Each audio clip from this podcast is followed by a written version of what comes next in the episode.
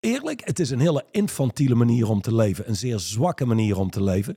Want je hoeft nooit echt te dealen met dat wat je doet. Laten we heel eerlijk zijn. Hoe, hoe komen we überhaupt terecht bij iemand die gaat onderzoeken waarom die stopt met dingen? Ik bedoel, je hebt controle over je gedrag en acties. Je kunt stoppen met stoppen. Welkom bij de Straight Line Podcast. De leiderschapsdialoog met diepgang en inhoud. Iedere week opnieuw een eerlijk gesprek over radicaal effectief leiderschap in turbulente tijden. En over winnen in het leven.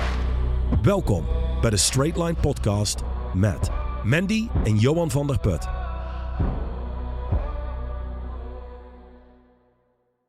Welkom terug bij de Straight Line Podcast. Vandaag wederom, zoals je net al hoorde in de introductie, met Johan en mijzelf. Wij. ehm, Hoezo trouwens welkom terug? Het zou kunnen zijn dat iemand dit voor het eerst luistert. Oh ja, en dan is het inderdaad negeerde terug en een gewone welkom.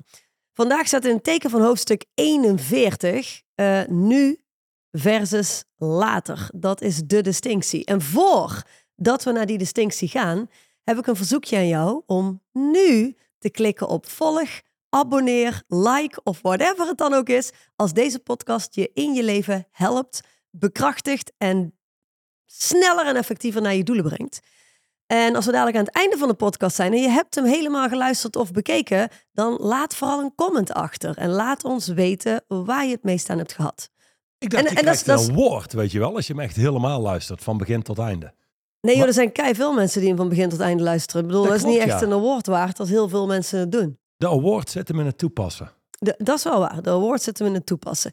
Maar in het kader van nu versus later, voordat je doorgaat met luisteren, doe dat nu even. Volg, abonneer en like. Je helpt ons en daarmee help je Nederland en Vlaanderen naar een krachtigere toekomst. Want als meer mensen zichzelf kunnen bekrachtigen, dan eh, heeft dat een effect op ons allemaal. Oké, ik ga nu naar jou, meneer Van der Put. nu versus later. Eh, ik, ga, ik ga gewoon starten met de eerste zin van het hoofdstuk. Het enige moment waarop je iets kunt veranderen is nu, staat daar. Het probleem van mensen die middelmatigheid in hun leven tolereren, is dat ze goede ideeën voor het ondernemen van actie nooit direct uitvoeren. Juist. Wat heeft u daarop te zeggen? Er wordt gezegd dat mensen die middelmatigheid tolereren nooit beslissend zijn in het moment. En mensen die excelleren in het leven zijn beslissend in het moment. Daar, daar zit het verschil. Ik weet nog, jij was aan het spreken en ik bedacht me. ehm, ik denk dat dit ooit op social media was. Dat iemand iets post in de zin van die had een inzicht. Later bestaat niet. Ehm, gisteren bestaat niet. We hebben alleen nu. En dat iemand daar een comment tot had. Weet je wel, een soort van wat voor theewaterfilosofie is dit? Ja, dat klinkt, klinkt een beetje als die, die heel eh, bekende quote. Hè? van Yesterday is history, tomorrow is a mystery, and today... Is the present? Is dat is, is, it to- present? Today is a... Zo, zoiets. That's why we call it the present of zoiets. Ja. Ah, ja, today ja. is a gift. That's why they call it the present. Zo, dat, dat zeg maar theewaterfilosofie. ja, nou ja, weet je, het, het grappige is, maar dit is met bijna alle quotes. Mensen lopen rond met krachtige quotes. Ja. Kunnen hun anus niet vinden met twee handen. Daar bedoel ik mee. Leven totaal niet naar die quote. Maar het klinkt wel goed. Ik denk de meest verkrachte quote is... Als je blijft doen wat je altijd al deed... blijf je ontvangen wat je altijd al hebt gehad. Einstein. Is, eh, geen idee. Mij is Einstein. Ja, die is zoveel gebruikt. Ik niet eens Absoluut. weet van wie die is. En de mensen die het posten, denk ik... Je fucking hetzelfde als zoveel jaar geleden of als vorige week. Dus Ja, maar daarom, dat bedoelen ze dus ook. Want zij ondervinden aan de levende lijven dat als je altijd gewoon blijft doen wat je altijd al deed, dat je altijd blijft krijgen wat je altijd al kreeg. één ding, het gaat over nu versus later. Eh, het gaat ook over taal. Ik gebruikte net een scheldwoord. En ik weet dat daar laatst iets over te doen was eh, online. Weet één ding, context is altijd bepalend. Hm. Ik hou van mensen die zeer clean spreken, zonder scheldwoorden en dat soort zaken. Tegelijkertijd, soms moet je een scheldwoord gebruiken om iets te bekrachtigen. Dus ik heb geen idee wat deze podcast gaat brengen. Maar voor de lichtgevoelige luisteraars, ehm, negeer gewoon het scheldwoord en blijf bij de boodschap.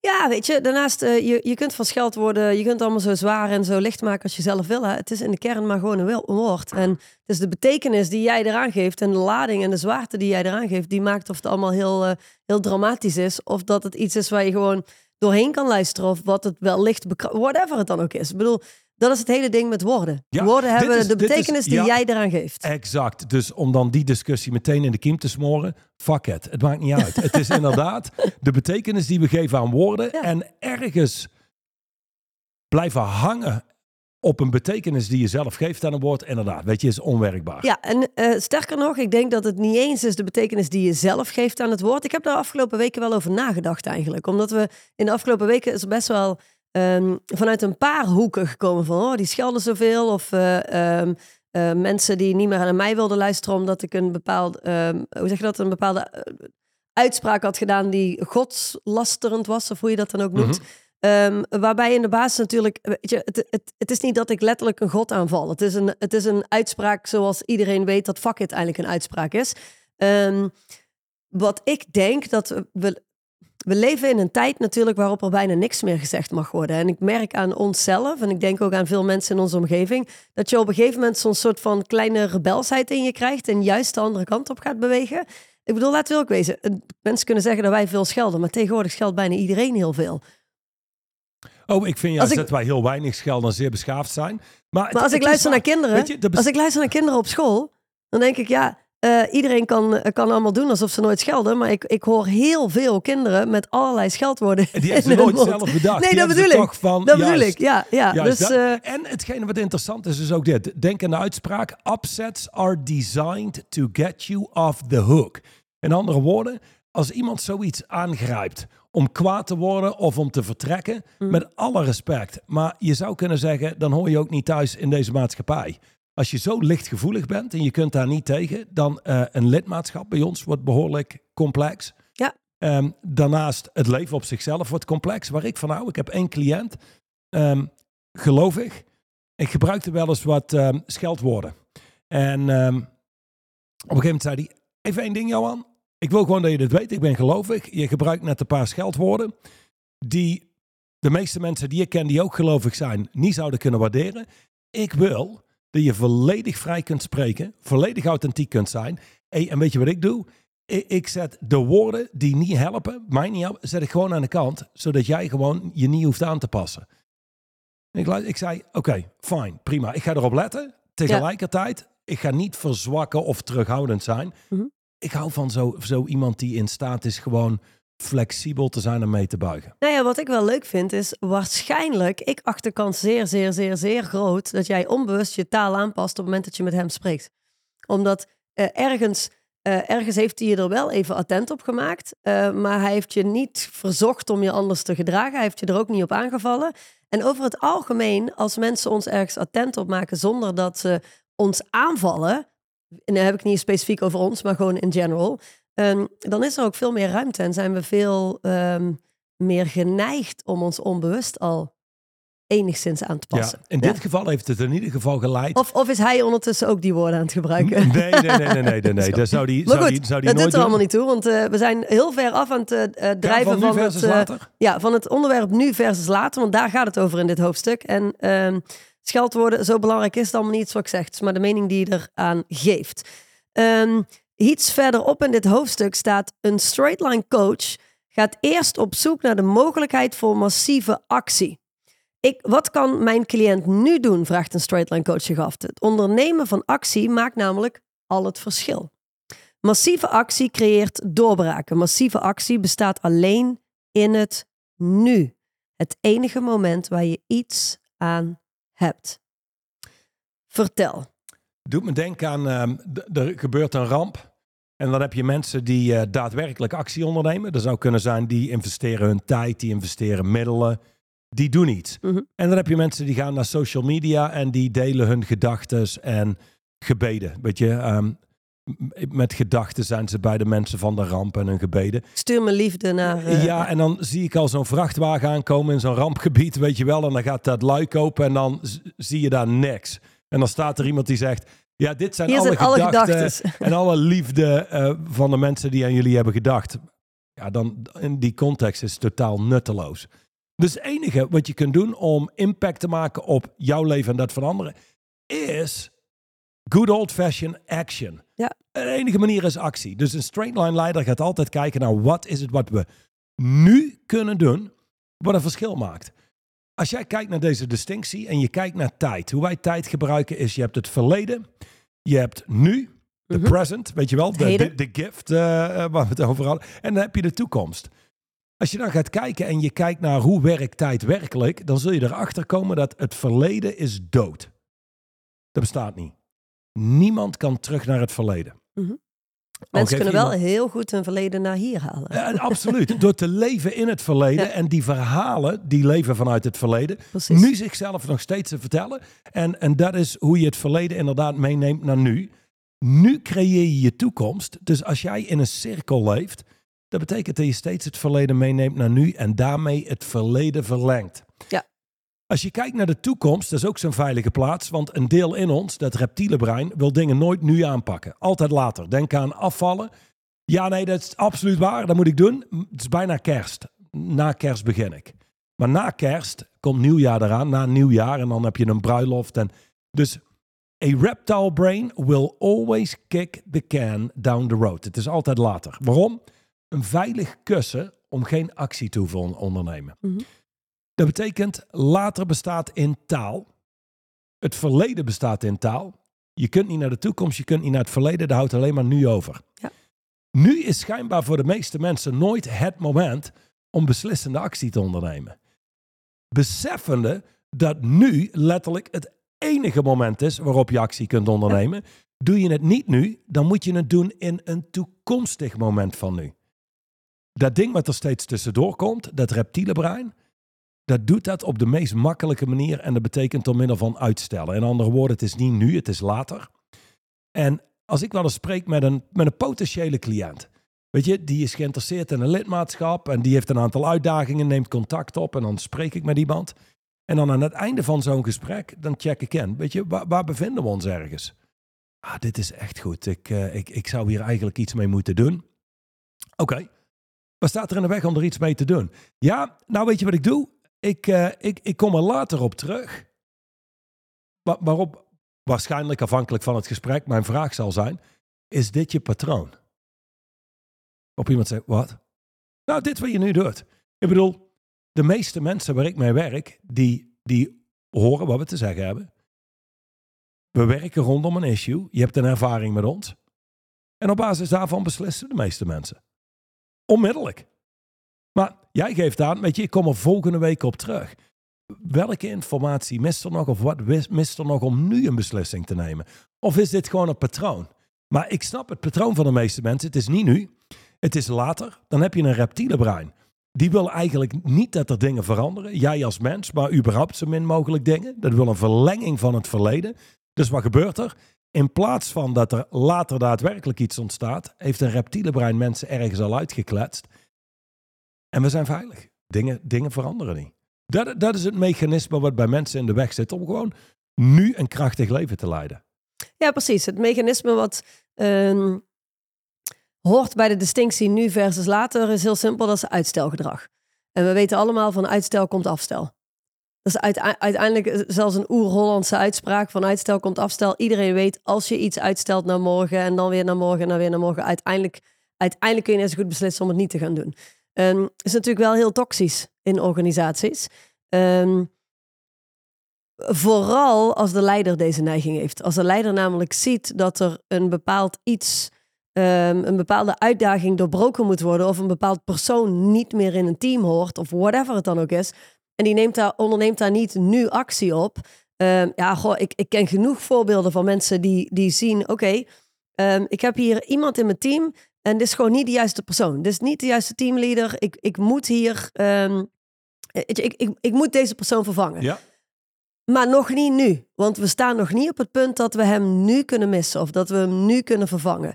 Eh, dus eh, we gaan eerst A, B, C op orde krijgen. En dan ga ik aan de slag met iemand nieuws zoeken. En dan ga ik hem vervangen.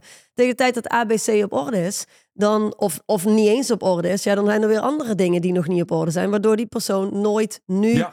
Eh, en nu uit een team gezet wordt. Of waardoor een bepaalde beslissing om een project te stoppen of een project een andere richting op te sturen nooit nu genomen wordt. Wat jij nu deelt is uiteindelijk het, het gegeven. Er moet eerst iets veranderen. Exact. Mochten we iets veranderen. Er moet eerst Ja. iets gebeuren en dan kunnen we pas actie ondernemen. Ja, en dat is, dat is het mooie verhaal. De alle redenen en excuses die je brein heeft en waar die jou in aan boord krijgt om vervolgens niet nu actie te ondernemen. Nu ben ik wel benieuwd naar wat jij hierop te zeggen hebt. Want wat wij ehm, in het eh, verleden, of eigenlijk in alle jaren dat wij ons bedrijf runnen, natuurlijk ook wel regelmatig te horen hebben gekregen. Nu, op dit moment runnen wij het bedrijf niet meer, maar hebben we een directeur die het runt. Maar eh, wat wij wel vaker te horen hebben gekregen is, boh, het gaat altijd zo snel hier. Want wij zijn juist mensen die natuurlijk, ik, wij zien wat erbij gesteld moet worden. En we, we doen dat ook nu. We ondernemen daar nu actie op, we stellen bij en we lopen weer door. We leven echter in een tijd en in een maatschappij waarin mensen over het algemeen nooit nu in actie komen. Dus voor mensen is dat ook wel vaak ingewikkeld. Hoe, hoe zie je dat? Allereerst, als mensen spreken over het gaat snel, waar speelt zich dat af? Mhm. Het gaat snel. Niet in de realiteit, maar in hun hoofd. Mhm. Ehm, voor een ondernemer overigens, die lopen meestal rond met het tegenovergestelde verhaal. Het gaat niet snel genoeg. Ja. Beide runt, beide runt je eigenlijk. Dus het gaat te snel, geeft een heel oncomfortabel gevoel. En het gaat niet snel genoeg, geeft vaak frustratie. En dat is wat we meenemen nu in wat we doen. Dus dat Nou ja, is al precies. onwerkbaar. In, in de basis zou je kunnen zeggen, als ik je zo hoor spreken, dat beide, of je nou rondloopt met, oh my god, het gaat allemaal veel te snel hier, al die veranderingen, al die constante bijstellen, of je loopt rond met, het gaat niet snel genoeg, het gaat niet snel genoeg. In de basis begeven beide personen zich niet hier in het nu. Ja, als je gewoon, niet in het nu, als je gewoon hier in het nu blijft, dan gaan dingen nooit te snel, dan gaan dingen nooit eh, eh, te langzaam, dan, dan lopen dingen gewoon en dan deal je met dat wat er voor je neus ligt. Ja. Punt. Ja, je zou kunnen zeggen, voor veel mensen zou het zijn verlangen naar de goede oude dagen Hm. versus bereid zijn op een nieuw speelveld te staan. Mhm. En we leven in een wereld waarin je zou kunnen zeggen zaken vele malen sneller gaan dan 20, 30 jaar geleden. Je moet in staat zijn om aan te passen. Dus je zou kunnen zeggen vandaag de dag ondernemen betekent je zult in staat moeten zijn snel te falen, goedkoop te falen eh, snel correcties door te voeren. Vooral te focussen op dat wat werkt en dat wat niet werkt te laten vallen. Ja, en ik denk in deze, in deze non-stop veranderende wereld eh, is het voor veel ondernemers ook letterlijk gaandeweg uitvogelen wat werkt. Dus je moet nu in actie. En als iets, en als iets uiteindelijk niet werkt, moet je nu bijstellen om uit te gaan vogelen wat werkt dan wel. We kunnen niet eindeloos achter ons bureau blijven zitten en allerlei strategieën bedenken. Want tegen de tijd dat je strategie afgeschreven is, oh ja, zeg maar, dat je je strategie af hebt en, en het, je, je uitgeschreven bent, ehm, en je wil hem gaan implementeren, kun je eigenlijk alweer opnieuw naar de tekentafel. Als je niet oplet wel. Als je niet oplet, is dat zo. Ja, Ja. ja. en, en het is ook nooit het juiste moment om het vervolgens te implementeren. Dus nee, precies. ja, weet je, mensen lopen rond met conversaties. En die heb je als leider te managen. En het gaat niet snel genoeg, is een conversatie. Ja. En het gaat te snel, is ook een conversatie. Maar dat betekent, er zijn een aantal zaken die gebeuren in een bedrijf. That's it. Feiten. Als je daarop plakt, het gaat te snel, wat creëert dat? Ja, een, een heel onrustig gevoel. Mhm. Dus je zou kunnen zeggen, focussen op dat wat, wat ons nu te doen staat, geeft eigenlijk een hele hoop rust. En daarbij zul je conversaties moeten managen als leider. Een succesvol leider is in staat om die conversaties eigenlijk onder tafel goed, in, goed te kunnen managen. Dus als mensen rondlopen in een bedrijf met, ja, maar het gaat allemaal te snel, dan kun je managen. Mhm. Dan ga je met elkaar in gesprek, je maakt afspraken met elkaar ehm, en pak door. Maar vaak zijn dit soort conversaties onder tafel. Het komt niet direct bij de eigenaar terecht of bij de manager. Nee, en sterker nog, mensen lopen er gewoon mee rond. dat is absoluut waar. Hè? Dat, dat is natuurlijk het netwerk van conversaties waar wij altijd over spreken. Waar, waar onze leden zich ook heel bewust van zijn en waar ze goed inzicht in hebben. Ehm, maar bij de, bij de meeste bedrijven liggen die conversaties absoluut onder tafel, niet op tafel. Kunnen leiders daar totaal geen impact op maken. Eh, belangrijker nog, als je het mij vraagt, is bij de meeste leiders zelf hebben zij niet eens in de gaten hoe deze conversaties hun eigen leven en hun eigen handelen runnen. Dat sowieso. Het Ik is- bedenk me net ook het volgende nog. Hm. Ehm, als jij kijkt naar dit hele gegeven nu versus later. Denk eens aan het volgende. En dit is hoe ons werk werkt. Nu is alles chaotisch. Er komt veel op ons af. We hebben stress. Het is nogmaals chaotisch. Dat creëert een bepaald gevoel van onrust. En dat zijpelt door het hele bedrijf. Maar er is zoiets als... We hebben tijd nodig om de boel op orde te krijgen en dan hebben we rust. Versus nu komen vanuit rust. nu komen vanuit overzicht en nu komen vanuit kracht. Ja. Ook dat is voor mensen altijd iets wat ze verplaatsen naar later. Er moet eigenlijk altijd iets gebeuren voordat ze iets kunnen doen. En ik weet zeker dat veel ondernemers die nu luisteren, rondlopen met een, een ehm, je zou kunnen zeggen, een Sam Daylist. Iets wat op een dag gaat gebeuren. Op een dag heb ik rust. Op een dag heb ik tijd. Op een dag heb ik overzicht. Ook daar kunnen ze nu al actie op ondernemen. Maar het is juist omdat ze het steeds verplaatsen naar later, dat het steeds terugkomt. Ja, het zit natuurlijk heel subtiel in taal. Hè? Ik bedoel, jij zegt net, we hebben, uh, we, we hebben een periode nodig om de boel op orde te krijgen. Versus, we zijn nu de boel op orde aan het krijgen. Dat, dat is een, een, een klein, hoe zeg je dat? Het, is een ogenschijnlijk klein verschil in taal. Maar als jij als leider met jouw team communiceert, die zegt: Jongens, we zijn nu de boel op orde aan het krijgen. Het gaat goed, weet je wel, we moeten gewoon doorpakken. Um, en, en we bewegen vooruit. Versus, ja, we hebben even een periode nodig om de boel op orde te krijgen. En dan, wat je dan creëert, je creëert letterlijk een conversatie waarin mensen denken: Oeh, oké, we gaan nu een periode van onrust hebben, want we moeten de boel op orde gaan krijgen. Terwijl hey, we zijn nu de boel op orde aan het krijgen. We zijn het nu in de hand aan het krijgen.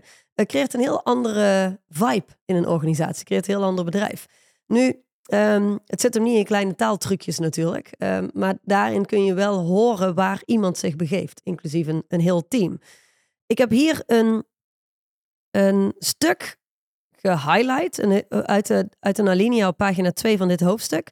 Die refereert naar het verleden. Zal ik dat uh, voorlezen, zodat we mhm. daarop in kunnen gaan. Wat we kunnen doen, want het is een iets langer stuk. Ik lees gewoon, als je ergens wil onderbreken, dan onderbreek je even en geef je een aanvulling. Oké. Omdat het denk ik wel heel belangrijk is. Kijk, je hebt nu versus later, nu actie ondernemen. Dat weet je, even om het heel simpel en basis te maken. Um, dat heb je al als je, uh, weet ik veel, in de keuken staat. In de keuken staat en je hebt um, uh, een boterham gesmeerd, ik zeg maar iets. En dan loop je naar de prullenbak en die zak is helemaal vol. Weet je, iedereen kent zulke momenten. Je prullenbak is gewoon overvol. Dan heb je nu versus later. Trek gewoon nu dat ding eruit, knoop en, en, en handel het af. Versus, oh, dat doe ik straks wel. Het leven van mensen zit vol met van die kleine, dat doe ik straks wel dingetjes. Um, en één ding is zeker, het, het verstopt je leven. Het zorgt ervoor dat je minder effectief wordt als mens. Uh, en minder krachtig wordt als mens. Dus het, het zit hem van kleine dingetjes tot heel grote dingen, nu versus later. Daarnaast um, is mijn ervaring, en dat is natuurlijk totaal niet iets nieuws wat ik nu zeg, maar van mensen ook, is dat mensen überhaupt nooit in het nu leven.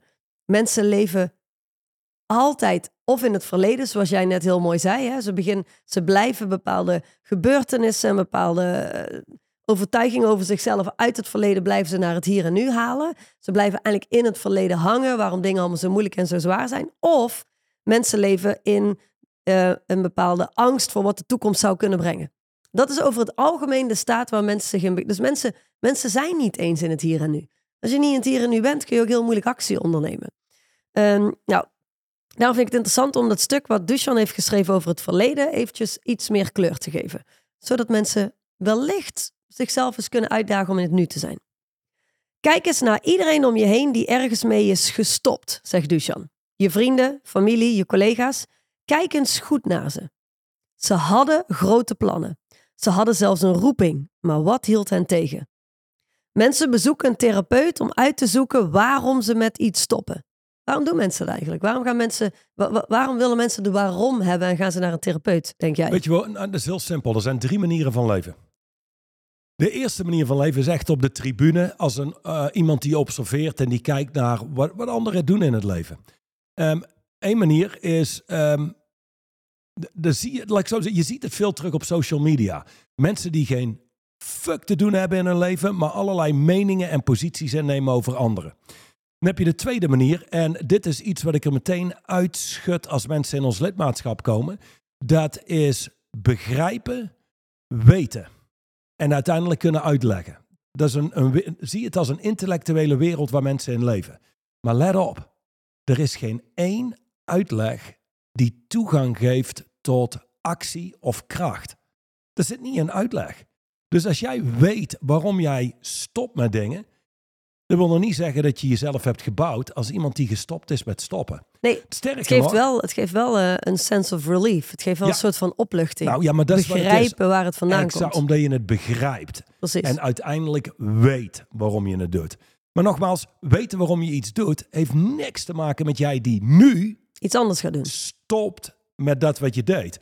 Ehm, het is een, ehm, eerlijk, het is een hele infantiele manier om te leven. Een zeer zwakke manier om te leven. Want je hoeft nooit echt te dealen met dat wat je doet. Laten we heel eerlijk zijn.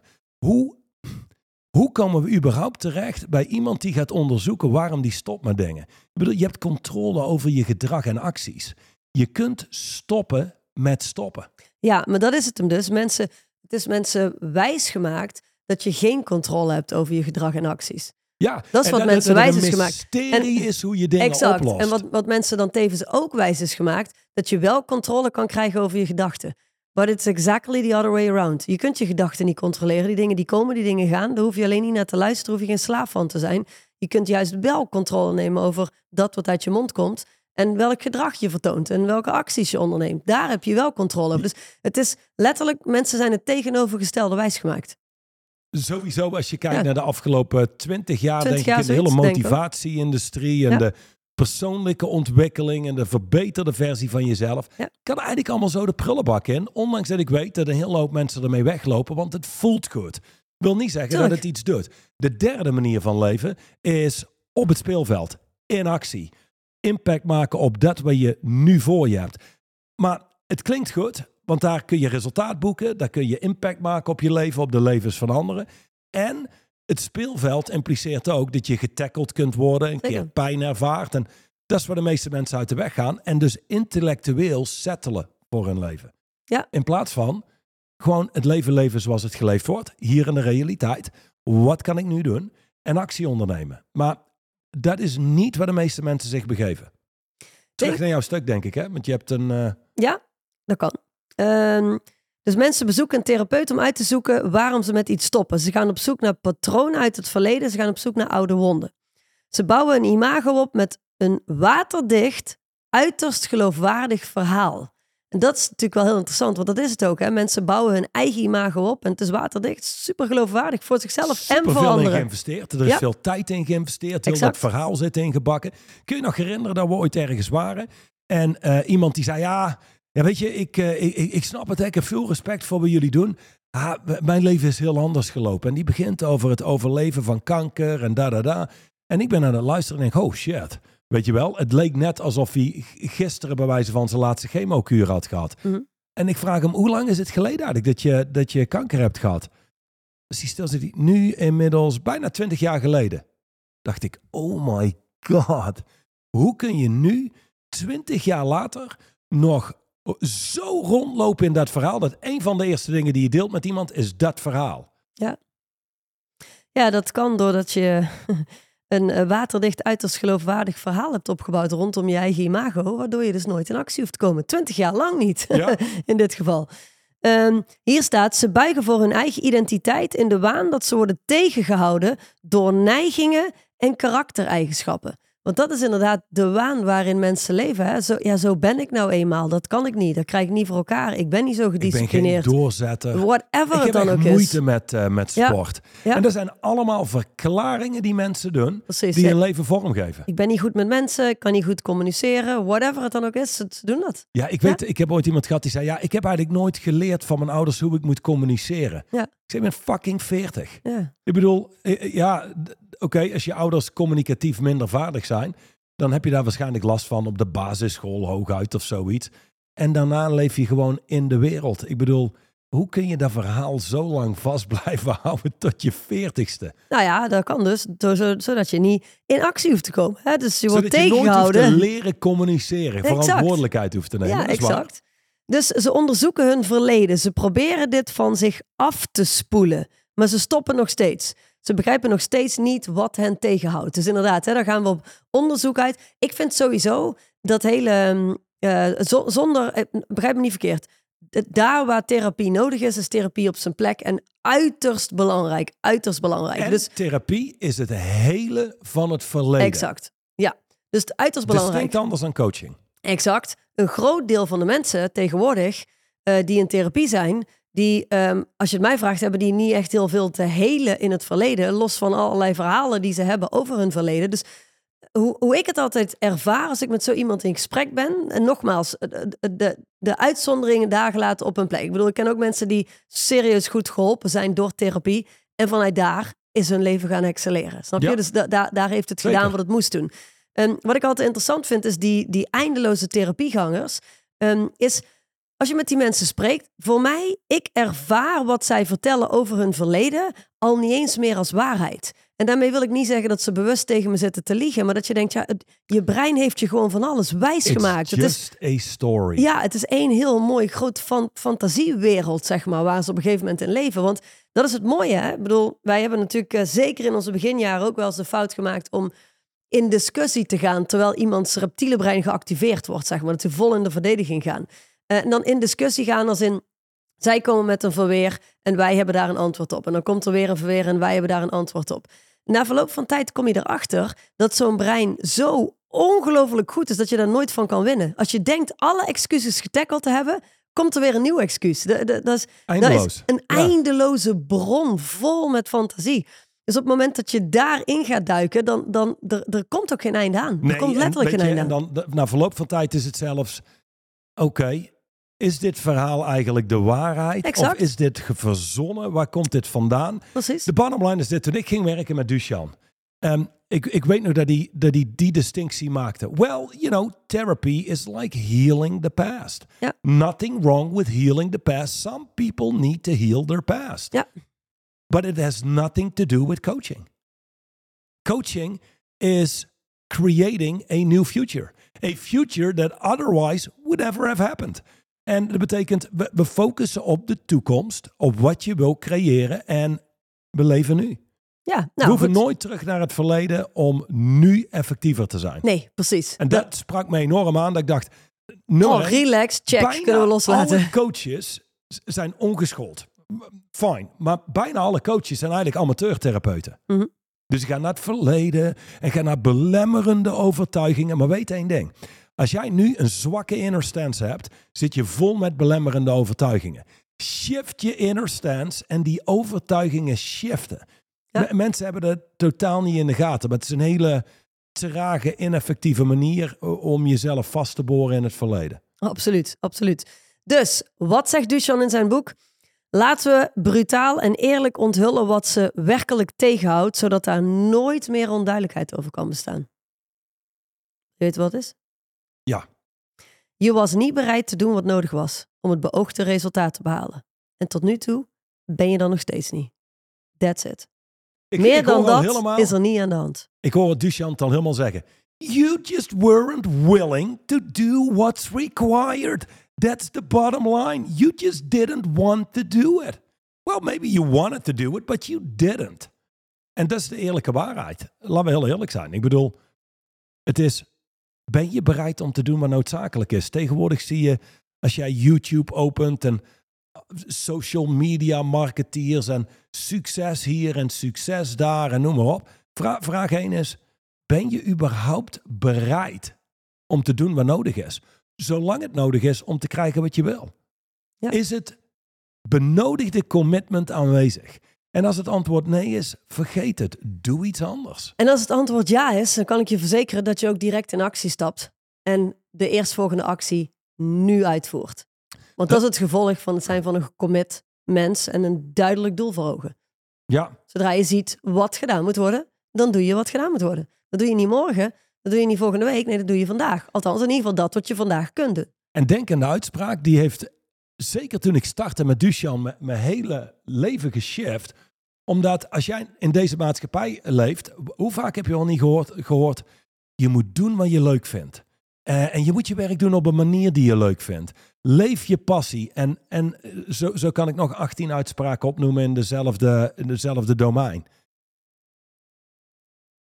De uitspraak, you don't have to like it, you just have to do it, heeft mijn leven geshift. Kinderen, die zijn met name gefocust op wat is leuk. Weet je wel, we gaan naar dat speeltoestel of we gaan naar de schommel. Wat gaan we doen? En we, we focussen op de dingen die we leuk vinden. Een volwassene maakt commitments, doet wat hij moet doen Net zolang totdat hij het resultaat heeft wat hij voor ogen heeft. En dat doet hij ook nog een keer zonder klagen. Zoveel makkelijker om te werken met volwassen volwassenen die Mhm. doorzetten. In plaats van volwassen kinderen die afhaken als het niet meer leuk is.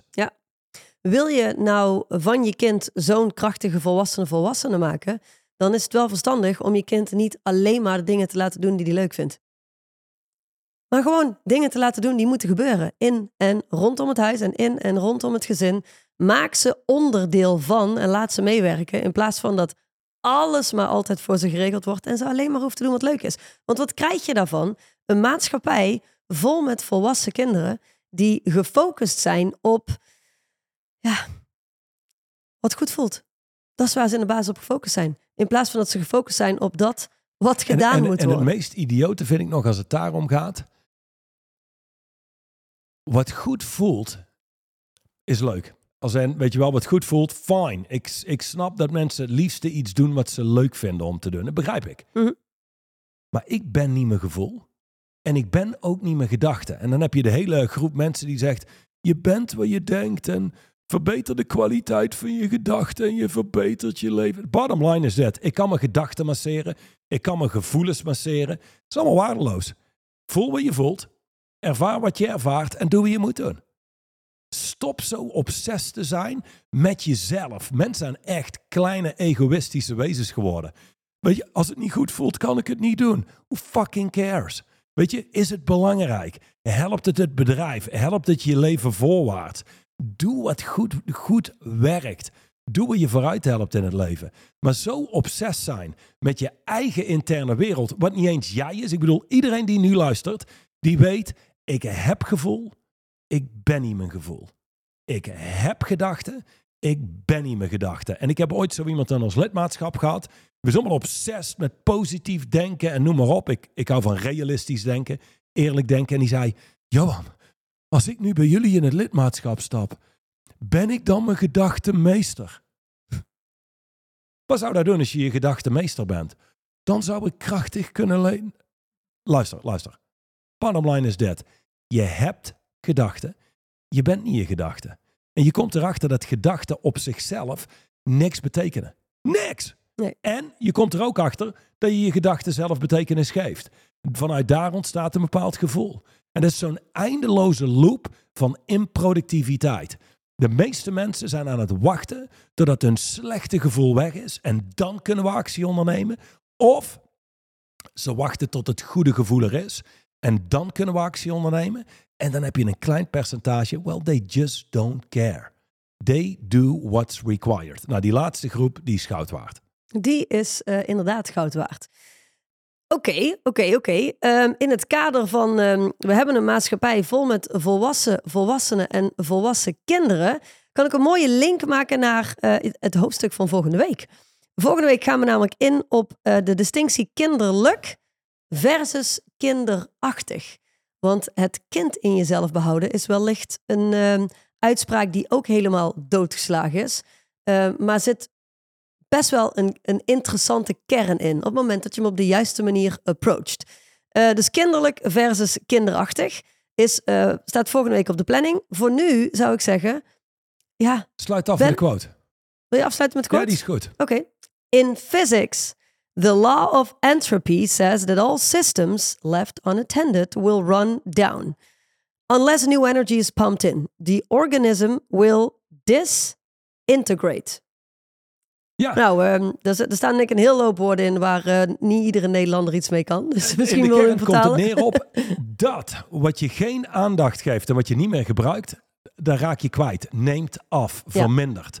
Dus eh, if you don't use it, you lose it. Ja, je weet je wel, de auto's en eh, motoren die, die in de garage staan, die je nooit start, Ja. nooit gebruikt. Na verloop van tijd, daar kun je er niks meer mee. Dus die moet je onderhouden. Die moeten één keer in de zoveel tijd gestart worden, noem maar op. Ja, net als je fysieke lichaam. Als je het niet gebruikt, dan, dan eh, neemt het af. voor competenties. Gebruik ze niet meer, dan neemt het af. Ja. Dit hele nu versus later. Je wil jezelf trainen om steeds dingen nu te doen. In plaats van ze uit te stellen naar later. Vanaf het moment dat je dat loslaat, zul je ook weer merken dat je automatisch neigt om dingen uit te gaan stellen. Om dingen te verplaatsen in plaats van nu actie te ondernemen. Dus dat is het enige wat te doen. Je hebt die podcast geluisterd. De vraag is, wat kan ik nu doen wat het meeste impact maakt op mijn leven? En dat doe je nu. En dat betekent niet nadenken over plannen. Eerst nog dit in orde maken voordat ik dat kan doen. Dan zit je in wereld. maken, strategie uitwerken, Ja, tactiek uitwerken, noem maar op. Oké, klopt. Hey, eh, als je de podcast helemaal afgeluisterd hebt, dan zijn er zeer zeker dingen die je nu te doen hebt. Ehm, ik zou zeggen, ga ze dan ook nu doen. Maar voordat je dat doet, klik op volg, abonneer, like, geef een comment op deze podcast en zorg dat wij ons werk kunnen verspreiden. Doe dat nu en dan de volgende nu ga je aan de slag met jouw acties. vind ik een goeie. Tot volgende week. Tot hè? volgende week.